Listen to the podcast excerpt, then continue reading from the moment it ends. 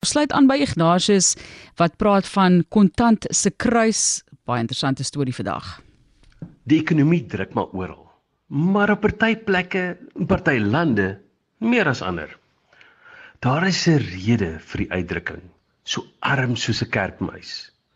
Kerke kan doen met elke sent wat na hulle kant toe kom. En na die kollektebord verkies jy 'n ritseling van note bo die klingel van munte. Die Russiese Ortodokse Kerk lyk my is spintenerig oor die vorm wat die 10de transaksie aanneem. Hulle roebeleer teen Rusland se nuwe 1000 roebel note. Vroeger die week het Rusland nuwe 1000 roebel en 5000 roebel note uitgegee.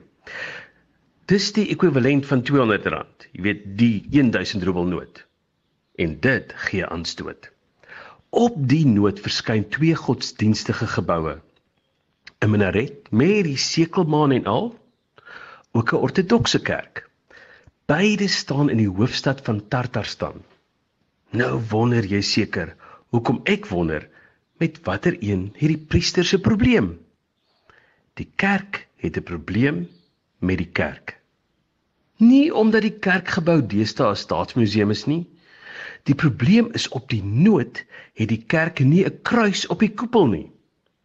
Dis wel 'n afbeelding van 'n spesifieke kerk wat nie op die werklike gebou 'n kruis het nie.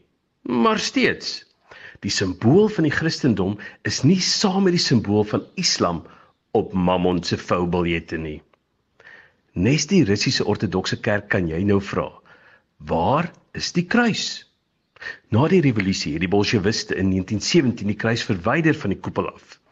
Die afgelope 106 jaar het daardie koepel nie 'n nuwe kruis gekry nie. Maar die sentrale bank word gekruisig omdat hul die kerk uitbeeld soos wat dit is. Soveel so dat die bank eers die verspreiding van die note gestaak het. Daardie 200 rand se roebelnoot is moontlik nou 'n versamelstuk.